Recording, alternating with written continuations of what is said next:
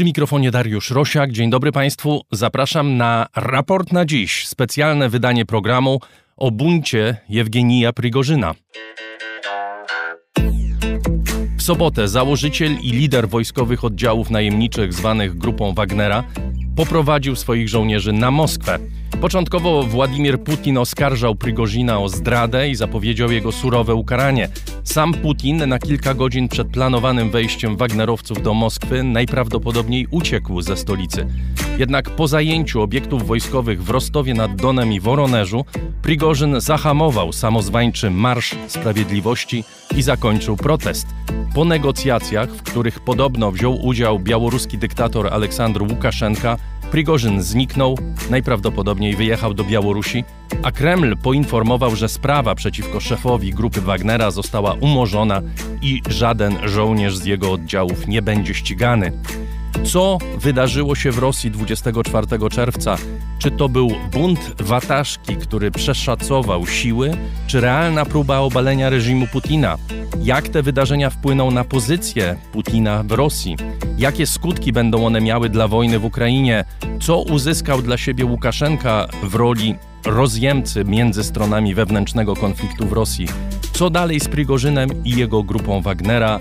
Co zrobi Putin z tłumami ludzi, którzy wiwatowali na cześć buntownika w Rostowie tuż przed jego wyjazdem do Białorusi?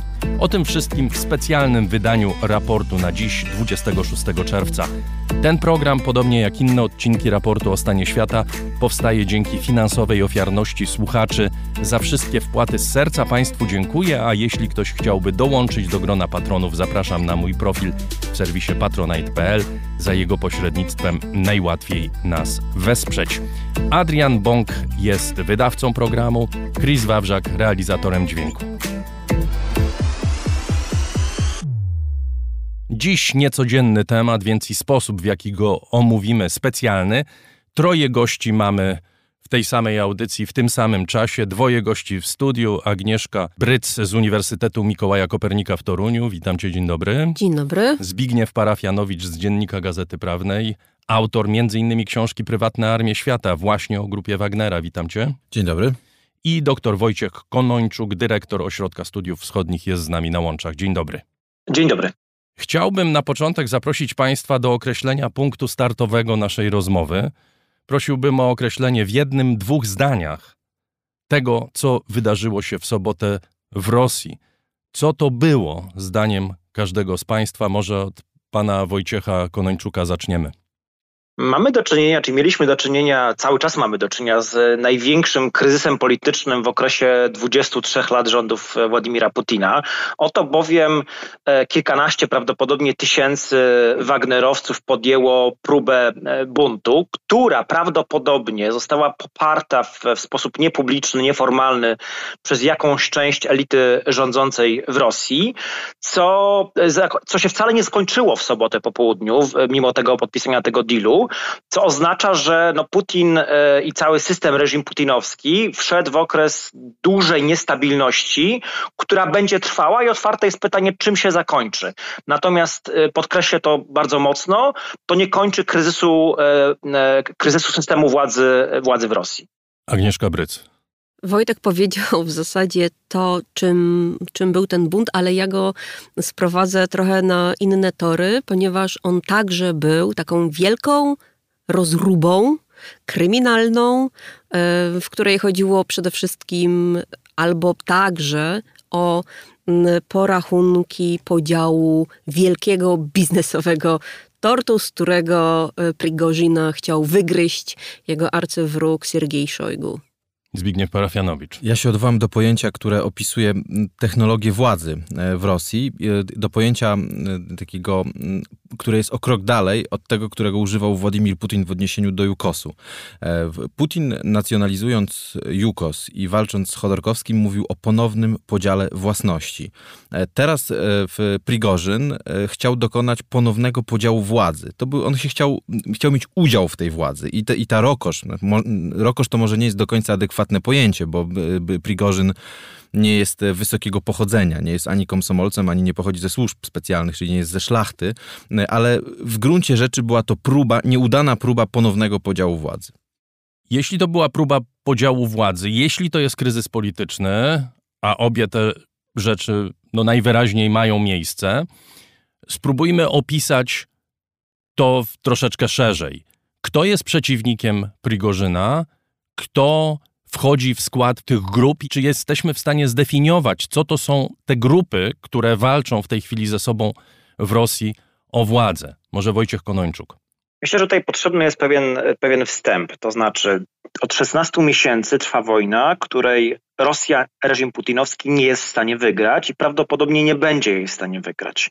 E, bez decyzji Putina o agresji na Ukrainę w ubiegłym roku nie byłoby tego kryzysu, który mamy dzisiaj, a przynajmniej nie w takiej formie. Więc to jest bardzo, bardzo ważny kontekst do tego. To tutaj sprawia, że różne wpływowe grupy w szeroko pojętej elicie władzy w Rosji, bo trzeba pamiętać, że wbrew temu, co mogłoby się wydawać, Kreml wcale nie jest monolitem. Tak? Czasami jest taki dobry model pokazywania schemat władzy w Rosji, kiedy mamy Kreml i mamy różne baszty. Tak? I te różne baszty to są te grupy, frakcje w ramach szeroko pojętej elity Rosją rządzące. I część z tych frakcji E, w ten sposób pokazuje swoje niezadowolenie tym, że Rosja prowadzi nieskuteczną wojnę. Oni niekoniecznie są przeciwko wojnie. Oni by chcieli, żeby Rosja tę wojnę wygrała, ale e, część z nich prawdopodobnie doszła do wniosku, że Rosja nie jest w stanie, Putin nie jest w stanie tej wojny wygrać, a to zaś pociąga za sobą bardzo konkretne straty, także ekonomiczne, także finansowe, także biznesowe. E, więc to, co zrobił Prigorzyn z poparciem, jak już mówiliśmy, E, najpewniej tej czy innej frakcji w ramach elity grupy rządzącej. I tutaj ważne zastrzeżenie. Obawiam się, że nie jesteśmy w stanie nazwać e, tych grup, tych konkretnych nazwisk, które, które by. Ale przynajmniej jesteśmy w stanie zdefiniować jeden konflikt, to znaczy między Prigorzynem a tą elitą, nazwijmy to władzy, która skupiona jest w Ministerstwie Obrony, w sztabie generalnym. Tak, to jest stary konflikt, który się od kilku miesięcy toczy i coraz mocniej eskalował. E, z jednej strony mamy e, Prigorzyna i Wagnera i te frakcje, które za nim stoją, a z drugiej strony mamy resort obrony ministra Szojgu, Gerasimowa, szefa sztabu generalnego.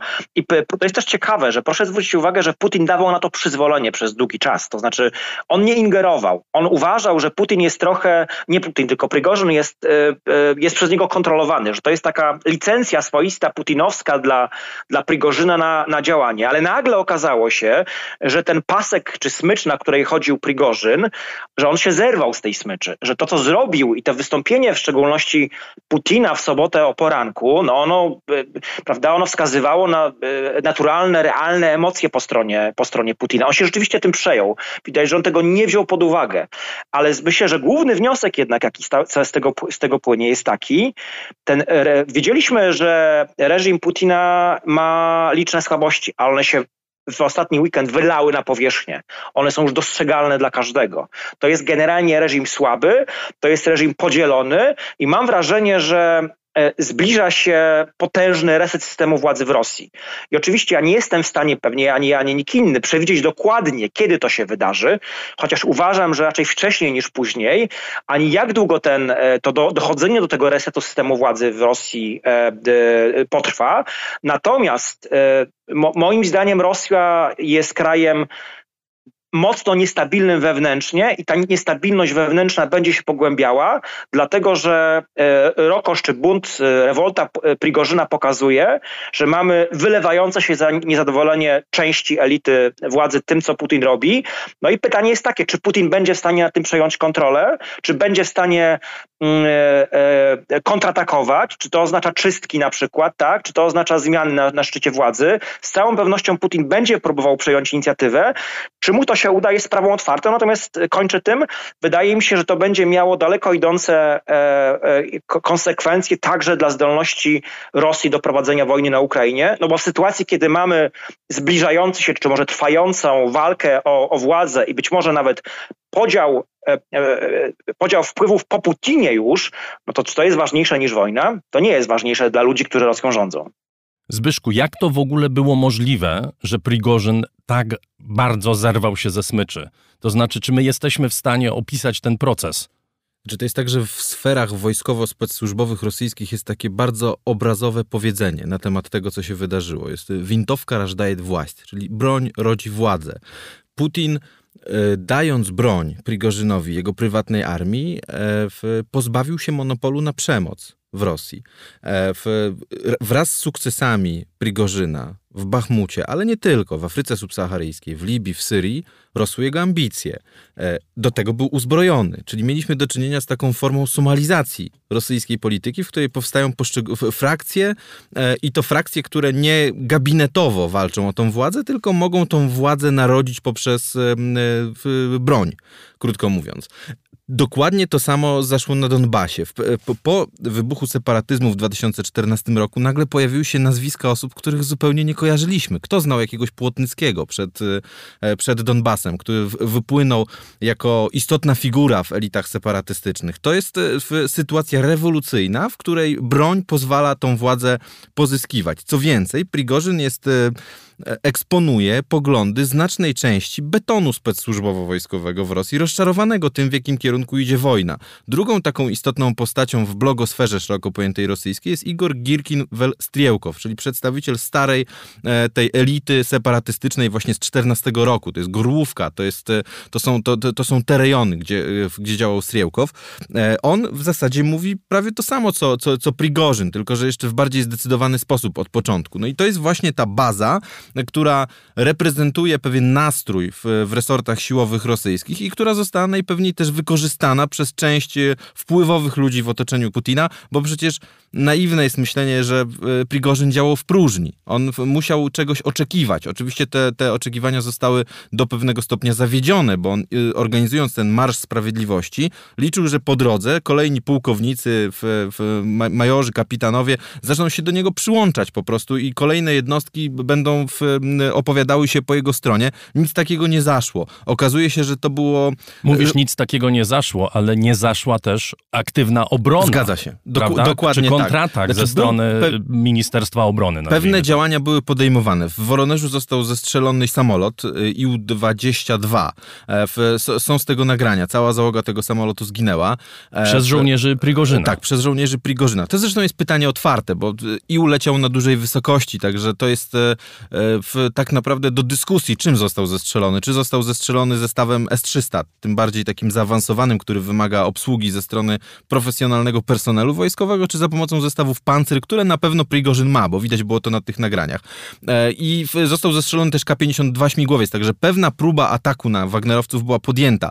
Natomiast nie była to próba masowa. Nie, nie było czegoś takiego, że nadleciała e, eskadra Su-25 i zbombardowała po prostu jadące samochody. Zresztą też było technicznie trudne trudne, bo Wagnerowcy jechali wśród cywilów tą autostradą, natomiast też masowo nikt się do Prigorzyna nie przyłączał, czyli to było, jak, za, za, jak, e, to było za, e, zbyt wczesny moment do tego, żeby tą Rokosz e, w, w, wykonać. Wielu jego zwolenników pozostało w wirtualu, pozostało na Telegramie, pozostało właśnie w tej sferze internetowej, no niemniej jednak ten nastrój jest, tego, od tego nie można abstrahować. Taka jest sytuacja w Rosji dzisiaj. Agnieszko, Szojgu już się pojawił w mediach. W poniedziałek rano już go widziano. E, z żołnierzami. Co to znaczy, czy to w ogóle cokolwiek znaczy? No bo oczywiście nie wiemy, jakie to są zdjęcia, jakie to są nagrania, to może być sprzed tygodnia albo dwóch. Jednak sygnał wysłany do Rosjan oraz y, do zagranicy mówi o tym, że Szojgu zostaje. Zobaczymy, czy zostanie, bo to mm, powiem szczerze, że wydaje się, że zostanie, skoro mm, Prigorzyn wprawdzie poszedł mm, z Kremlem na kompromis, ale wiemy, że tym żądaniem numer jeden Prigorzyna było, była dymisja Szojgu i Gerasimowa. Po to był ten Marsz Sprawiedliwości, ten wielki prawda, pochód na Moskwę, nie po to, żeby obalić Putina, ale po to, żeby dorwać Szojgu, żeby doprowadzić do jego takiego, można powiedzieć, politycznego, fizycznego usunięcia. No i na zajutrz po marszu mamy Szojgu, który się pojawia publicznie. Tak, i mamy, mamy dokładnie tak. Czyli Co to... ciekawe, nie mamy Putina, nie wiemy, gdzie on jest. Nie objawił się, tak jak rozmawiamy o godzinie 10.15, nie ma go.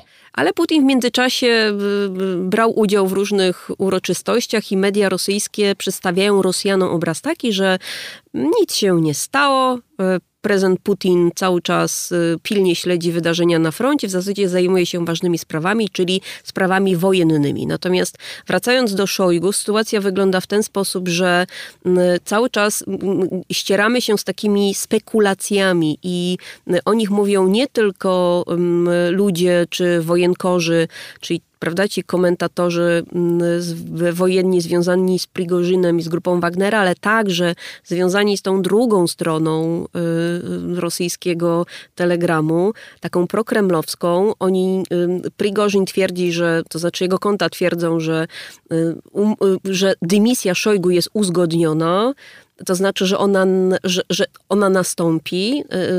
I tutaj mamy, prawda, różnego rodzaju potwierdzenia, że padają nawet nazwiska, kto ma go, kto ma go zastąpić. Natomiast y, y, konta związane z Kremlem, na przykład jest taki polittechnolog, y, polittechnolog Markow, który twierdzi, że być może nie wiadomo, to jest prawdopodobne, natomiast pewności nie ma.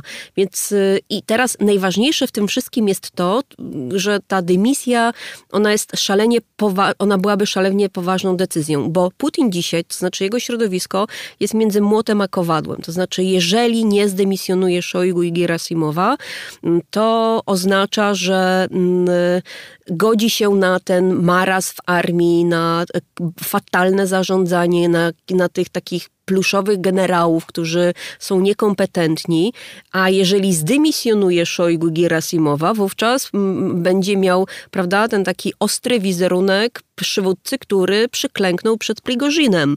To znaczy, który dogadał się ze swoim kucharzem, co więcej, zdymisjonował człowieka numer dwa w rządzie, bo Szojgu jest tym, prawda, powiedzmy, jego najbliższym współpracownikiem Słuchajcie, w czasach wojennych. Ja chciałem wrócić, skoro jesteśmy przy Putinie, chciałem wrócić do tego momentu, kiedy Marsz Sprawiedliwości jest w Woronerzu, 200 kilometrów od Moskwy i mamy dwa wydarzenia. Nie wiemy dokładnie, jak one wyglądały w sensie sekwencji czasowej, ale mamy dwa wydarzenia. Putin najwyraźniej ucieka z Moskwy, a niedługo potem mamy odwrócenie sytuacji o 180 stopni. Prigorzyn wstrzymuje tą ofensywę. Zaraz dojdziemy do roli Łukaszenki w tym wszystkim. Ale mówisz o tym, że Putin będzie miał wizerunek człowieka, który uległ. No, już ma. Już ma ten wizerunek człowieka, który uległ i żeby nie wiem, co zrobił, lider, którego reputacja oparta jest na tym, że ja nie przebaczam zdrajcom i nigdy się nie cofam, wycofał się i przebaczył zdrajcy. Co więcej, nie tyle nawet przebaczył, co on się po prostu dogadał z kimś, kto jest wiele mm, poziomów poniżej jego. Jest po prostu zekiem. E, Putin jest elitą władzy. I co więcej, przecież Putin przez wiele lat kształtował taki obraz, że prawda, właśnie rzucił wyzwanie Zachodowi. To za, z Zachodem nie chce rozmawiać, a tutaj dogadał się ze, swoją, ze swoim wataszką. To, na, to, to jest ogromne tąpnięcie w wizerunku Putina, który najpierw tracił od początku wojny taki, taki obraz tego, że jest farciarzem, jak to prawda Rosjanie mówią, że zawsze miał szczęście, jemu się zawsze wiodło. Otóż od 22 roku mu się nie wiedzie. I teraz y, jeszcze na tak bardzo mu się nie wiedzie, że mamy tak małych ludzi jak Prigorzyn, którzy są w stanie przejąć milionowe miasto, wy, wybrać się y, na, na Moskwę i do tej Moskwy bez problemu prawie dotrzeć, a prezydent Putin jakby wyjeżdża, bo się rzeczy, to wiadomo, że on musiał tą Moskwę opuścić. Krótko mówiąc, Putin stał się figurą słabego prezydenta i to jest krok bardzo ważny w kierunku właśnie tym, że Rosjanie, oni teraz to trawią, tak? Jakby dostali namacalnie mm, mm, obraz prezydenta, który no, jest taki bardziej przypominający dzisiaj już nie Putina z 99, tylko Jelcyna z lat 90. Więc to jest być może ten duży kamień, który, który runie, znaczy wzruszy lawinę y, kruszenia potęgi i władzy Putina. Panie Wojciechu, skąd się wziął w tym wszystkim Aleksandr Łukaszenka? Myślę, że trochę przypadkiem. To znaczy, on wykorzystał możliwość, jaka, jaka mu spadła z nieba yy, i dobrze ją wykorzystał, co wynikało z tego, że ma dobre, od podobno 20 lat ma dobre kontakty z Prigorzynem, ale zarazem, mimo tego, że w przekazie kremlowskim to sam Łukaszenka został pokazany jako osoba, która zaproponowała swoje usługi jako negocjatora, ja bym jednak był skłonny ku temu, że to raczej Kreml czy sam Putin poprosili Łukaszenkę o takie, e, o takie e, usługi. No to jest oczywiście upokarzające dla Putina, dlatego że mimo tego, że panowie się regularnie, Putin i Łukaszenka regularnie się spotykają, no to nigdy między nimi chemii nie było. I wiemy, że w ciągu ostatnich lat to raczej Białoruś była na równi pochyłej, jeśli chodzi o e, kontrolę przez, e, przez Rosję. Więc tutaj Łukaszenka zagrał bardzo e, ciekawą grę, którą propagandowo wykorzystuje, ale też mam wrażenie, patrząc na to, na przekaz mediów rosyjskich w ostatnich dwóch dniach, że one tego bardzo mocno nie wybijają, że to jest gdzieś tam temat niewygodny dla dla Kremla. E, pytanie jest też o to, jakie są dalsze losy e, Prigorzyna na Białorusi, bo ja nie, wy, nie wyobrażam sobie sytuacji, kiedy po tym, co Prigorzyn e, zrobił, że on będzie miał możliwość dalszego swobodnego działania. Być, być może Białoruś będzie dla niego trochę takim krajem tranzytowym i on się potem uda, nie wiem, na przykład do Afryki, gdzie ma też biznesowe interesy. No gdzie ma ciągle chyba swoich ludzi, to przede wszystkim przecież Wagnerowcy ciągle w Afryce są. Są, chociaż ich skład jest ograniczony. Liczebność jest ograniczona w związku z tym, że w ostatnich miesiącach wielu z nich po prostu zostało przerzuconych na front ukraiński. Natomiast y, no, system i sam Putin, który jak wiadomo jest człowiekiem mściwym, tego typu zdrady y, nie wybacza. Więc pytanie jest, y, jeśli chodzi o przyszłość Prigorzyna, jest takie, jaka będzie przyszłość Putina. Jeśli okaże się, że szybko turbulencje kolejne systemu wewnętrznego w Rosji zobaczymy, no to być może to byłaby szansa dla, dla Prigorzyna, który został wykorzystany jako trochę taki taran do, do początku demontażu systemu władzy putinowskiej. Więc ma pewne zasługi, no tylko pytanie, czy on na pewno nie jest niezależnym graczem, to też warto podkreślać. Czasami się mówi, że on mógłby gdzieś tam na, na Kremlu zasiąść. Ja, ja uważam, że to jest skrajnie mało prawdopodobny scenariusz, dlatego że po prostu są w Rosji e, osoby, które są nieporównywalnie bardziej wpływowe niż, niż Prigorzyn. Zbyszku, kontynuujmy temat Prigorzyna. Wagnerowcy są w różnych miejscach na świecie. Jego reputacja również opierała się na tym, że to był człowiek, który w przeciwieństwie do Szojgu czy innych rosyjskich generałów nie pracował z biura, tylko był na froncie. To zostaje mu w tej chwili odebrane. Czy to jest rzeczywiście koniec Prigorzyna?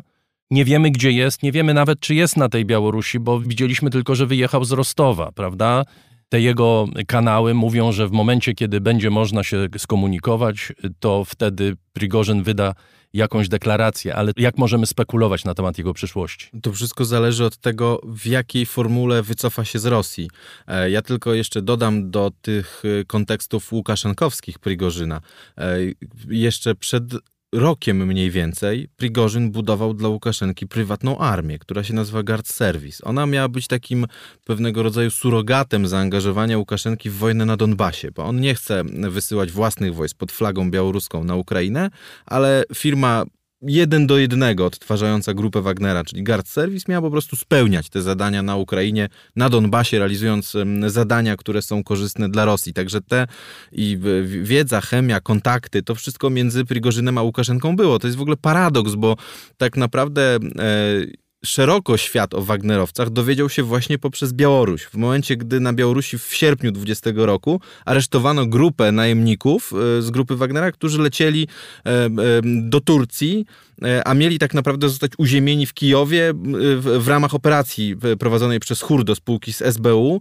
E, no i wtedy Łukaszenka myślał po prostu, że ci Wagnerowcy są transferem na Białorusi po to, żeby przeszkodzić mu w, w wyborach prezydenckich w 2020 roku. Ale to są w ogóle podobne osobowości Łukaszenka i, i Prigorzyn. Tak samo populistyczni, tak samo e, wyszczekani, tacy gdzieś tam powiedzmy spółki Żylinowskiego.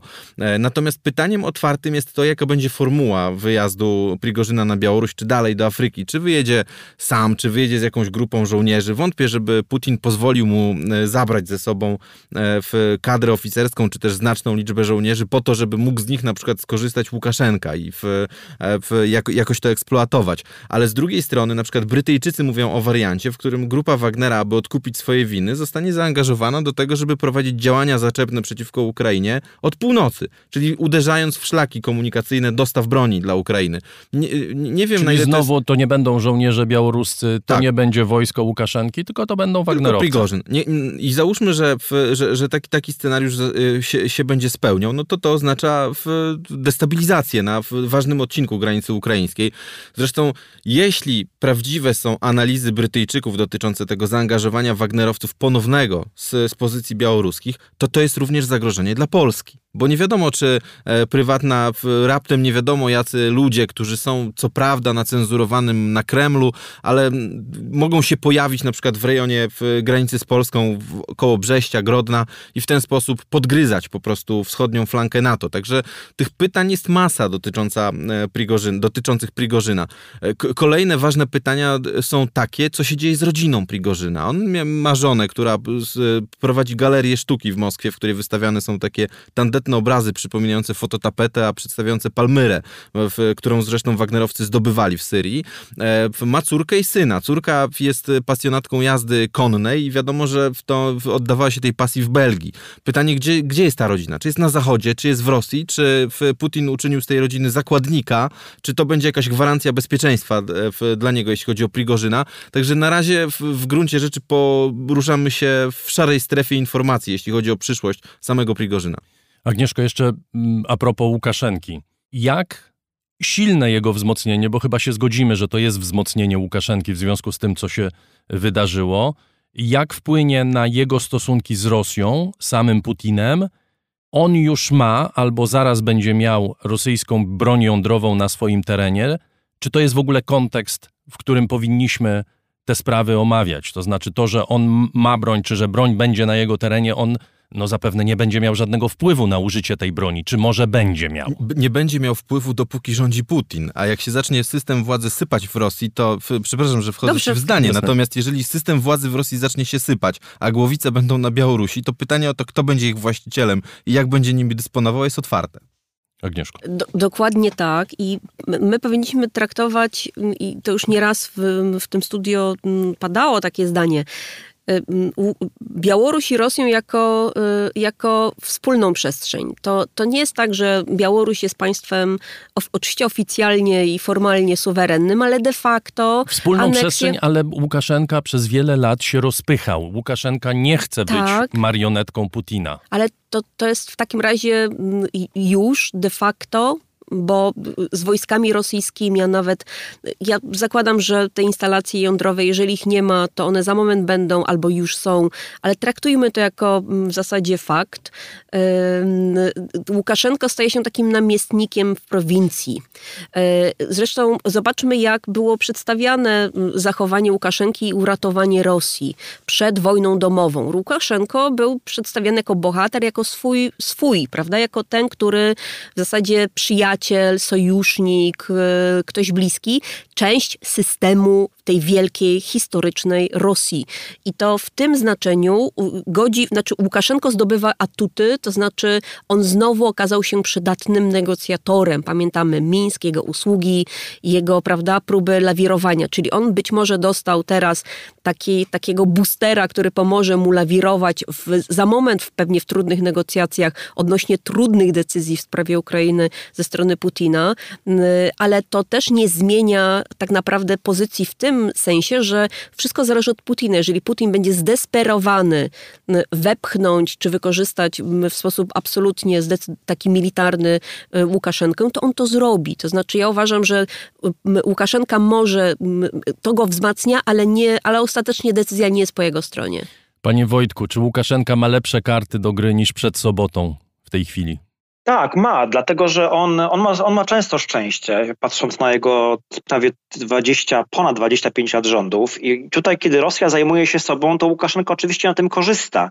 E, mamy z jednej strony wojnę, gdzie on okazywał, cały czas okazuje ważne usługi Rosji, prawda, bo tutaj e, te- też warto przypomnieć, że Białoruś od samego początku tej wojny jest zgodnie z prawem międzynarodowym współagresorem, a z drugiej strony Rosja, która e, pogrąża się w destabilizacji wewnętrznej, kiedy poszczególne grupy w elicie władzy zaczynają ze sobą e, walczyć i zobaczymy, jaka będzie tego przyszłość w kolejnych tygodniach i miesiącach, no to oczywiście Łukaszenka na tym, na tym korzysta i próbuje dla siebie wytargować więcej e, możliwości e, manewru. Szczególnie, że te możliwości manewru w sytuacji reżimu Łukaszenki, no one po 20 roku, prawda, to się zaczęło jeszcze przed pełnoskalową agresją Rosji na Ukrainę, one były coraz mniejsze.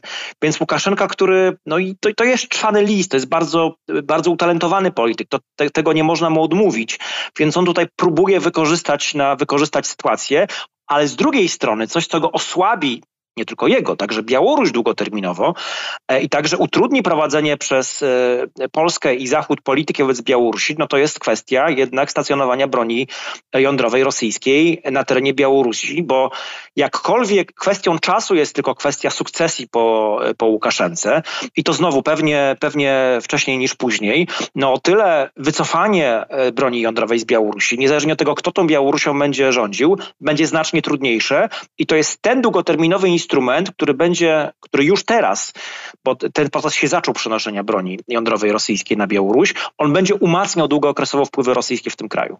Dobrze, to teraz porozmawiajmy o czymś, co w sobotę wydawało się najważniejszym tematem, albo jednym z najważniejszych tematów, a w tej chwili gdzieś zostało zepchnięte na margines, być może słusznie, bo być może w ogóle nie ma o czym rozmawiać. A chodzi mi o to, jaki wpływ ten bunt, czy rzekomy bunt ma, czy będzie miał dla wojny w Ukrainie? Zbigniew. Czy mógłby mieć znaczny, gdyby trwał dłużej i gdyby paraliżował system do, do, dowodzenia rosyjski. E, to, co się... Nic się nie stało w weekend, prawda? No to właśnie. znaczy Ukraińcy odbili znowu jakieś tam 500 metrów terenu, wycofali tak. się. Nie doszło do, jak się patrzy na mapę, rzeczywiście nie doszło do jakiegoś znacznego przełomu. Rosjanie kontynuowali swoje natarcia na, w, w obwodzie ługańskim, e, w Ukraińcy prowadzili natarcia w, na Zaporożu i na styku obwodu donieckiego i zaporowskiego. W zasadzie było tak jak e, przed puczem, e, przed tą rokoszą. Natomiast gdyby to trwało dłużej, gdyby Prigorzyn rzeczywiście stworzył w rejonie Rostowa coś na wzór Republiki Separatystycznej, czy tam, nie wiem, Republiki Sprawiedliwości Społecznej, czy jakkolwiek by ją nazwał, no to mogłoby to zmienić bardzo wiele. Rostów jest w zasadzie główną bazą wojskową do operacji na Ukrainie. Rostów, Krasnodar i Taganrog. Taganrog jako baza lotnicza. I to jest tak naprawdę klucz do tego, żeby to to wszystko się tam działo i udawało. To, to są, Rostów jest bramą, e, bramą e, i do Mariupola, i do, i do połączenia lądowego Rosji z Krymem, także gdyby, zresztą to o tym mówił, jak rozumiem, Budanow przed dwoma miesiącami, zdaje się, wspominając o tym, że szykuje niespodziankę na kontrofensywę i załamanie właśnie systemu dowództwa rosyjskiego. E, na to pewnie Kijów liczył, że to będzie trwało, destabilizowało Rosję, że spór będzie się tlił i że doprowadzi ostatecznie do tego, że Ukraińcom uda się szybko wykorzystać wykorzystać 3-4 dni e, na to, żeby szybko przełamać e, linie obrony rosyjskie, to po prostu trwało za krótko, żeby można było to wykorzystać strategicznie w kontrofensywie. Ale tam jeszcze jest część bardziej optymistyczna, bo faktycznie udało się Putinowi i to chyba jest jego sukces pod tym względem, że to szybko zdołał stłumić, um, czyli nie pozwolił rozlać się puczowi. Ale ważne w tym wszystkim jest to i to też może mieć znaczenie tak dla Ukrainy, tak dla sytuacji na froncie, jak i w ogóle sytuacji y, takiej strategicznej. Mianowicie wnioski, jakie wyciągają strony z tego puczu. To znaczy, Wojtek powiedział, miał rację, kryzys władzy w Rosji wypłynął na powierzchnię. I teraz tak, jeżeli, jeżeli nie tylko Rosjanie zobaczyli, że można, prawda, przejąć kawał Rosji. To znaczy kawał w tym sensie, że znaczne i szalenie istotne terytoria pod względem militarnym. Można wysłać y, oddziały na Moskwę i one po prostu one wchodzą jak w masło, nie są, nie są powstrzymywane to znaczy, że władza jest, y, władza nie kontroluje sytuacji tak bardzo, jak zapewniała.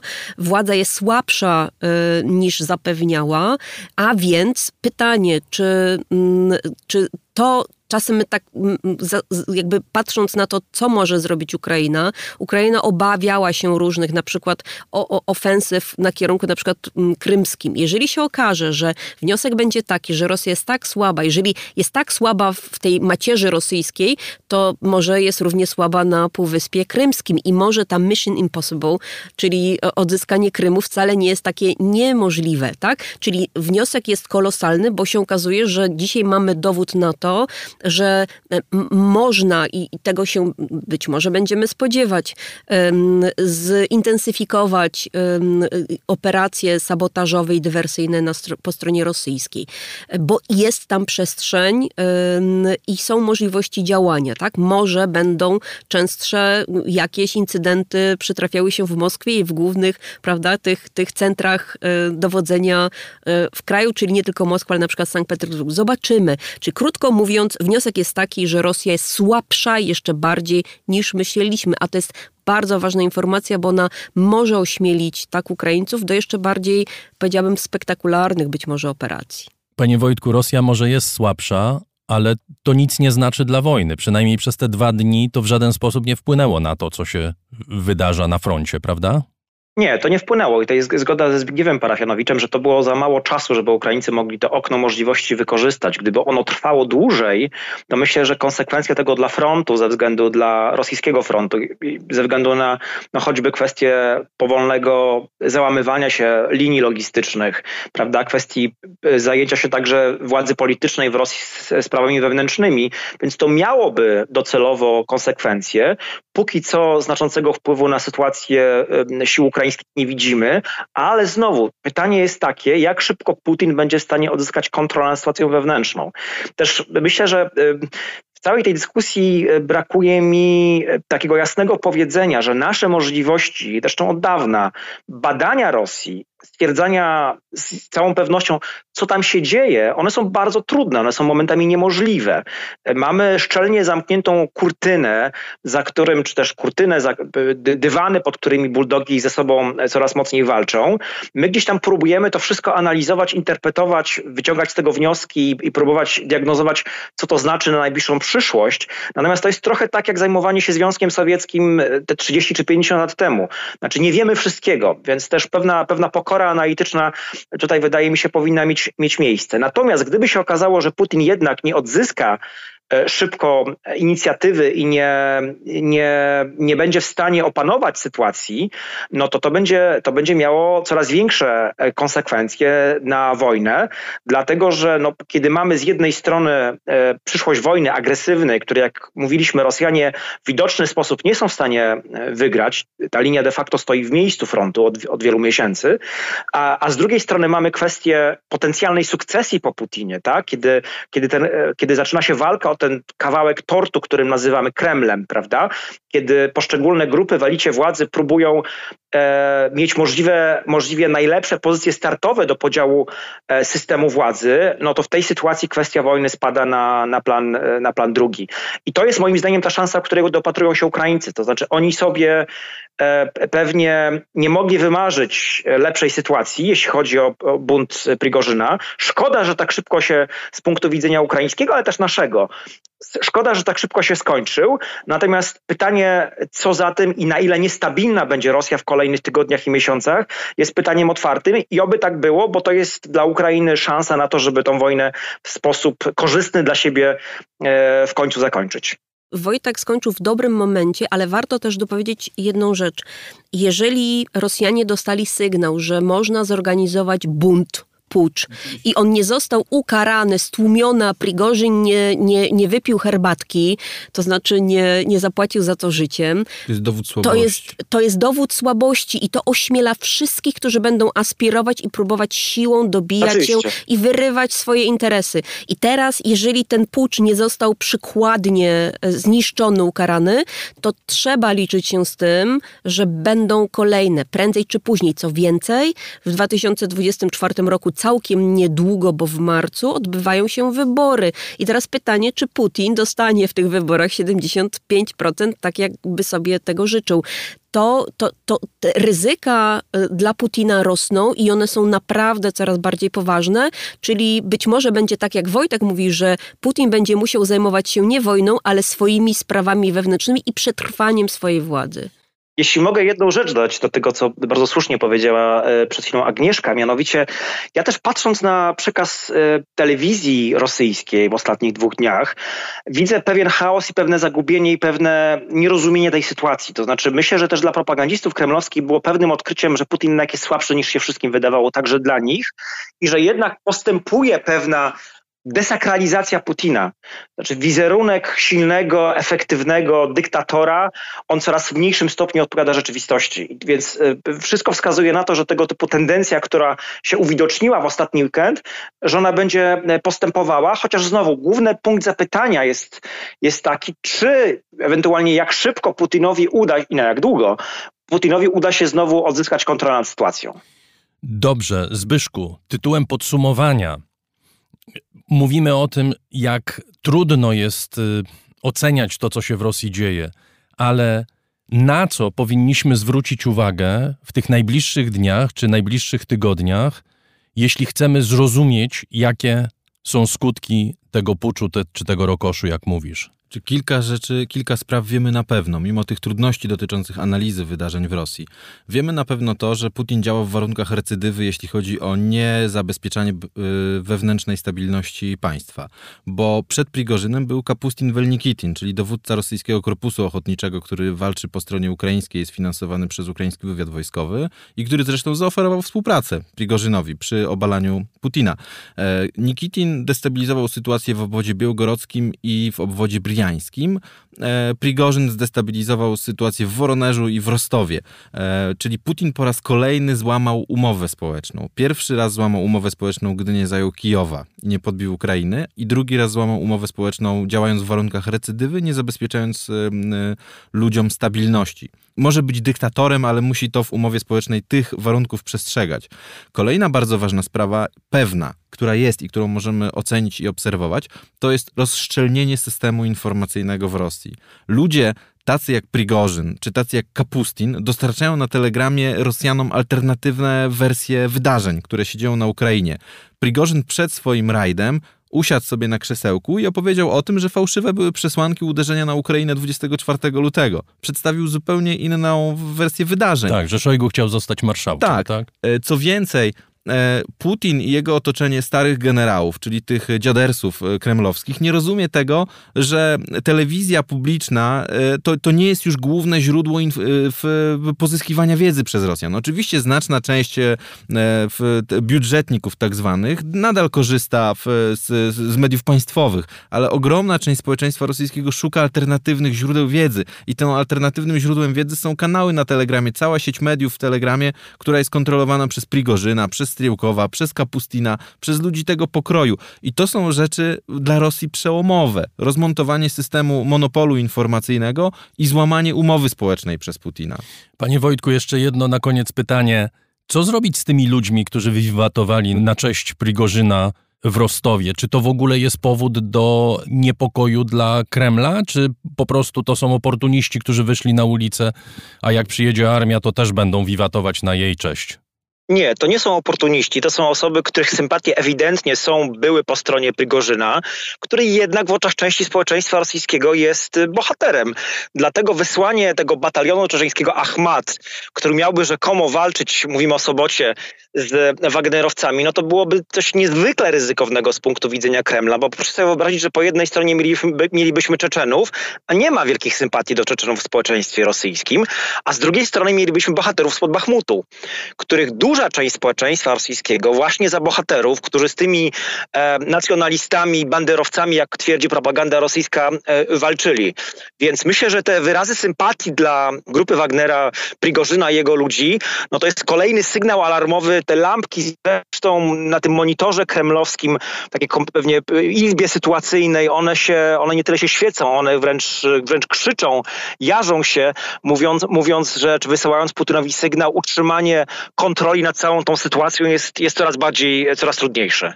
Agnieszko, czekamy na to, aż objawi się Prigorzyn, prawda? Czekamy na to, aż objawi się Prigorzyn, zobaczymy, gdzie jest, w czyich rękach e, i e, dokąd zmierza, ale najważniejsze e, to jest, na co teraz też możemy patrzeć, oprócz tego, co powiedział Wojtek i, i Zbyszek, patrzmy na to, jakie decyzje personalne będzie podejmował Putin, nie tylko w stosunku do Szojgu i Gerasymowa, ale przede wszystkim do, względem tego, co będzie się działo w rosyjskich służbach, bo to, ten wniosek, ten wniosek, który otrzymał Putin jest taki, że jest rozłam w strukturach siłowych, jest bardzo duży potencjał takiego mm, buntu, to znaczy krytyki władz centralnych, Szojgu Gerasimowa generalnie państwa za wszelkie przewinienia, czyli potencjał do rewolty jest. I teraz to, czego my się spodziewamy, to czystek, polowania na czarownice i szukania tych, którzy są ewentualnym zarzewiem przyszłych tych kolejnych e, rokoszy, jak to powiedział Zbyszek. Jest duża szansa, że system wpadnie w paranoję i to będzie też konsekwencja tego, co się wydarzyło w Rostowie. Agnieszka Bryc, Zbigniew Parafianowicz, Wojciech Konończuk byli gośćmi tego specjalnego wydania raportu na dziś. Dziękuję Państwu bardzo. Dziękuję. Dziękuję. Dziękuję. W środę kolejny program, zapraszam serdecznie. W sobotę, jak zwykle, raport o stanie świata. Z pewnością będziemy wracać do tego, co wydarzyło się w sobotę, choćby dlatego, że to jednak oczywiście nie koniec całej sprawy. Jeszcze raz dziękuję Państwu za to, że przyczyniacie się do powstawania raportu o stanie świata.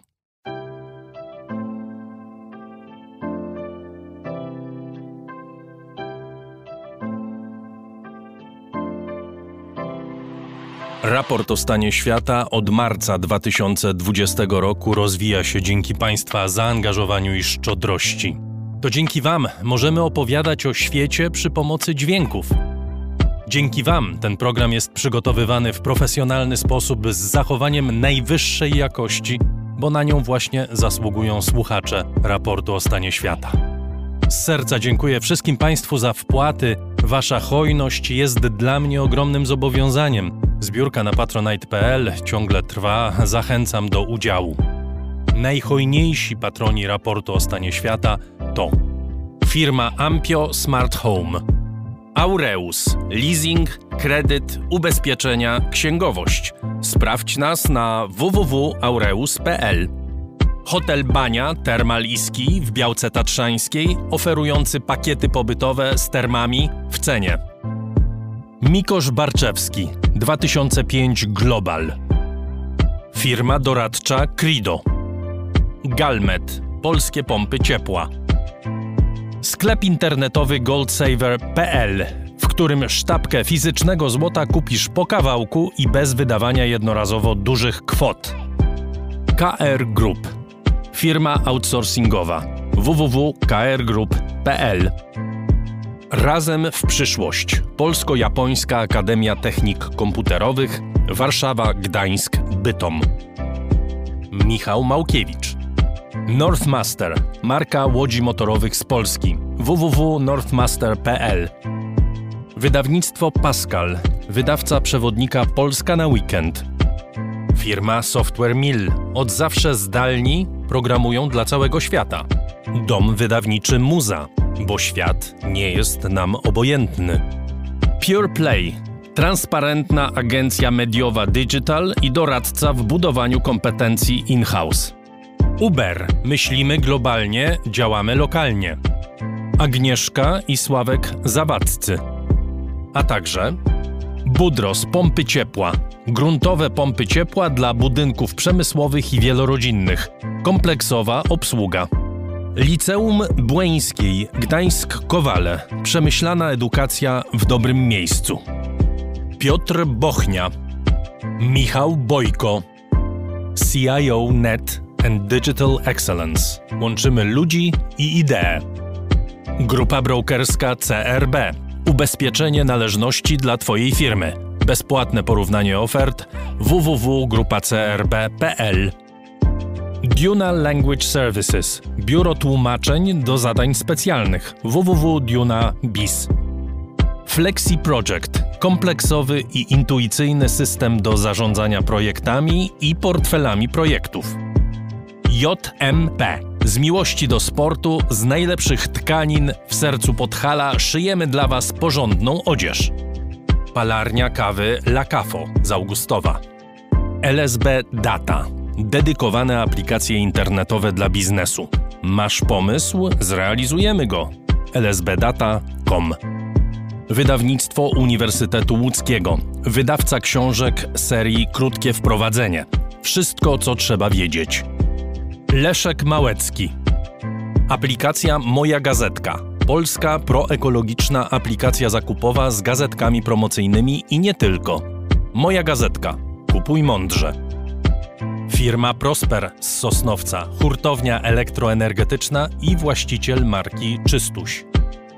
Firma ODO24. Optymalny kosztowo outsourcing ochrony danych osobowych ODO24.pl. Tatrzański Festiwal Biegowy Tatra Sky Marathon. 22 lipca biegamy w sercu Tatry i gminy Kościelisko. Tixto.pl. Niezależny serwis biletowy. Sprzedamy bilety na Twoje wydarzenia kulturalne i sportowe. Drukarnia cyfrowa totem.com.pl. Dla nas książka zasługuje na najwyższą jakość. Fundacja Wasowskich, opiekująca się spuścizną Jerzego Wasowskiego i wydawca książek Grzegorza Wasowskiego. Szczegóły na wasowscy.com. Michał Wierzbowski. Wayman oprogramowanie wspomagające firmy inżynieryjne w zarządzaniu projektami, stworzone przez polskich inżynierów dla sektora projektowego. www.wayman Software. Zen Market, pośrednik w zakupach ze sklepów i aukcji w Japonii. Zen Market JP. Dziękuję bardzo. To dzięki Państwu mamy raport o stanie świata.